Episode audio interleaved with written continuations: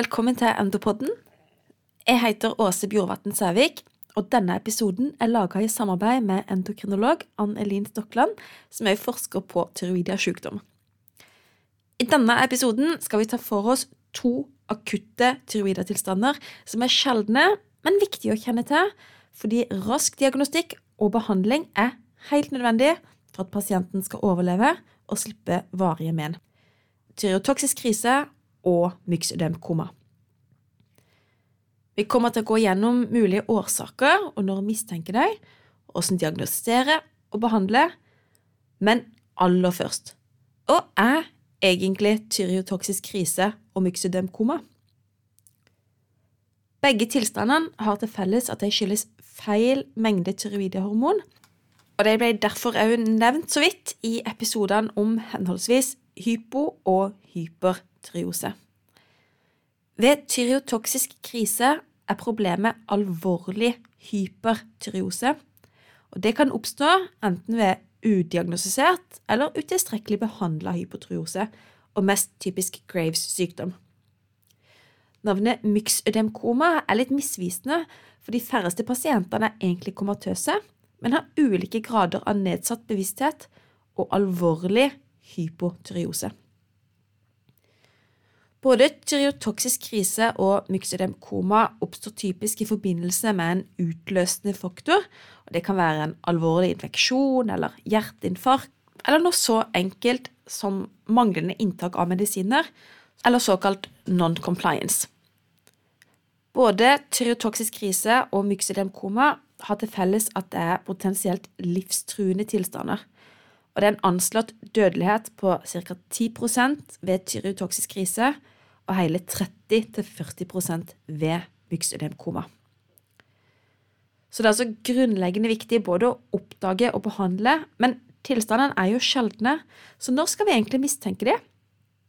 Det kan hjelpe å huske at tyreotoksisk krise er en ekstremvariant av hypertyreose. Klinikken er derfor prega av klassiske hypertyreotesymptom. Vi snakker da om større eller mindre grad av feber, hjerterytmeforstyrrelser, det kan være med hjertesvikt eller uten hjertesvikt, og symptomer fra magetarm som magesmerter, kvalme, oppkast og diaré, og i svært alvorlige tilfeller ikterus, og også symptomer fra sentralnervesystemet, alt fra mild agitasjon til kramper eller koma.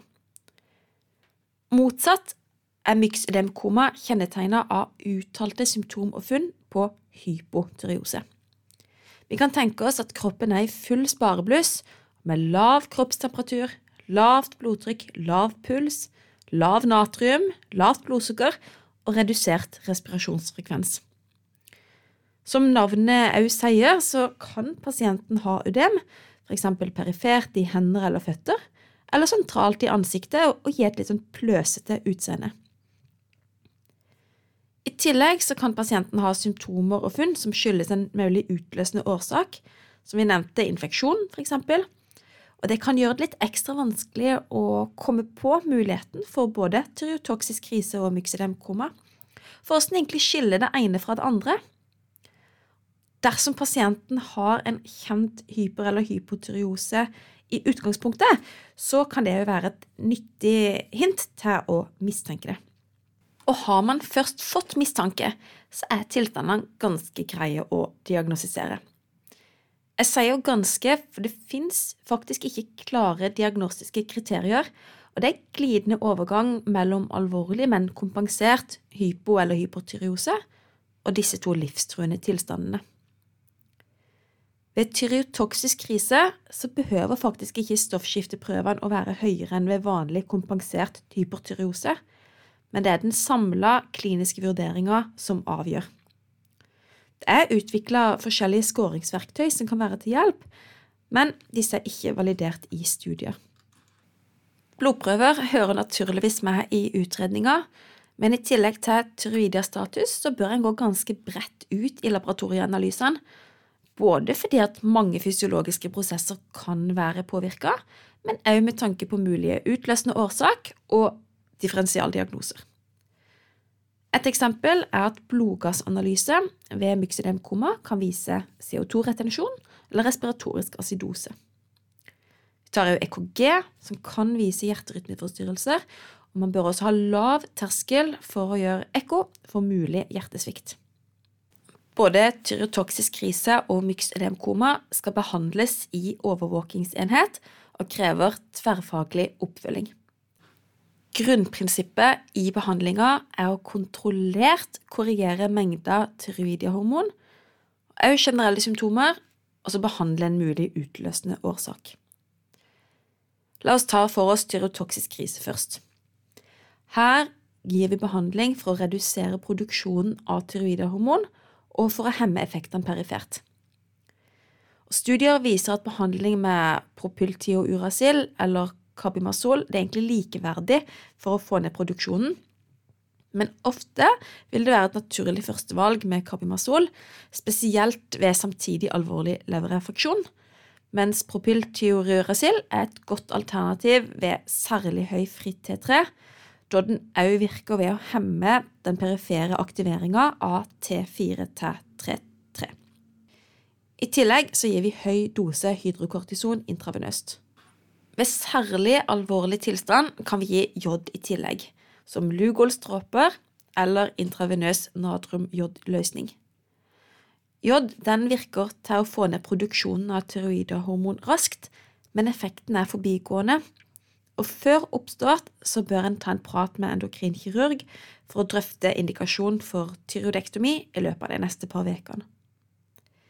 En sjelden gang kan det være nødvendig med plasmaferese for å fjerne tyroidiahormon fra sirkulasjonen.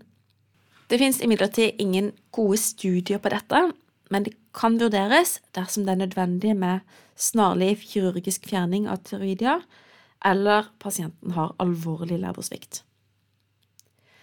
Når det gjelder symptomatisk behandling og arytmikontroll, så gis selektive betablokkere peroralt eller intravenøst, målet er å få ned hjertefrekvensen til høyest 130 per minutt. Før pleide man å gi ikke-selektive betablokkere, men så har det vært rapporter om økt risiko for dekompensert hjertesvikt, og man har derfor gått over til nå bare å bruke selektive betablokkere. Pasientene er typisk dehydrerte, og væskebehandling med saltvann eller glukose er derfor på sin plass. Noen ganger er behandling med plasma eller albumin nødvendig for å unngå sirkulatorisk sjokk, og tiamin er jo ofte aktuell behandling. Dersom pasientene er alvorlig overoppheta, vi husker det at feber kan være en manifestasjon her, så kan temperaturen tas ned med medisiner som paracetamol og klopromasin. Og til alle dere som elsker detaljer, her kommer en viktig en. Unngå acetylsalicylsyre og NSIDES ved tyrotoksisk krise, for de kan virke ved å øke tyroidehormonmengden. Og så til den motsatte situasjonen med mangel på tyroidehormon og myksedemkoma. Her erstattes tyroidehormon intravenøst med levotyraksin.